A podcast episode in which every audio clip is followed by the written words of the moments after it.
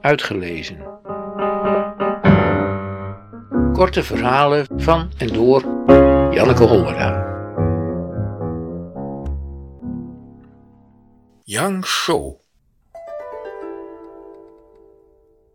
In de papierwinkel van Yang Shou kun je een kaart voor de toekomst schrijven.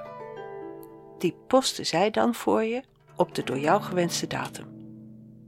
Ik heb een stapeltje kaarten uitgezocht.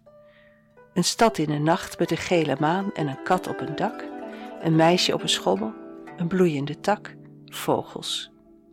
Ik vind het een mooi idee dat iemand, mijn man bijvoorbeeld, of mijn kind, mijn kleinkind, mijn beste vriendin, mijn liefste vriend, over twee jaar een kaart van mij krijgt. Maar dan bedenk ik dat het ook heel naar kan zijn. Als ik dan bijvoorbeeld al dood ben. Ik denk een tijdje na over mijn dood. Het lijkt me niet waarschijnlijk dat ik snel doodga. Ik ben heel gezond. Maar ik ken mensen die dat ook dachten en die zijn er nu niet meer. Ik probeer me voor te stellen hoe het zou zijn als ik opeens een kaart van zo'n overleden vriend zou krijgen. Lieve, ik zit in China en ik denk aan je. Ik denk dat ik heel lang zou huilen. Daarna zou ik willen weten hoe hij aan me gedacht heeft, of hij naar me verlangd heeft, of het een ander gevoel was dan alleen maar vriendschap, of hij die tekst ook aan anderen geschreven heeft, wat de betekenis kon zijn van de bloeiende tak als hij die gekozen had, of van de kat op het dak in de nacht onder de maan.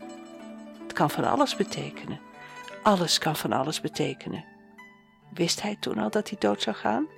Was het een laatste poging om mij iets duidelijk te maken? Moet ik nu anders naar hem kijken dan vroeger? Ja, waarschijnlijk wel. Ik zou dagen van slag zijn, denk ik. Het lijkt me dus beter om geen kaarten in de verre toekomst te versturen, behalve aan mezelf. Ik leg de stad en de maan en de kat en de schommel terug in de schappen, de vogels hou ik. Over twee jaar vallen ze bij mij in de gang. Misschien raap ik ze zelf op. Ik weet nu al dat ik dan zal glimlachen. Ik zal mezelf terugzien in Yangshow. Het was de laatste keer. Ik zal de tekst lezen die ik toen schreef. Opnieuw beginnen kan altijd.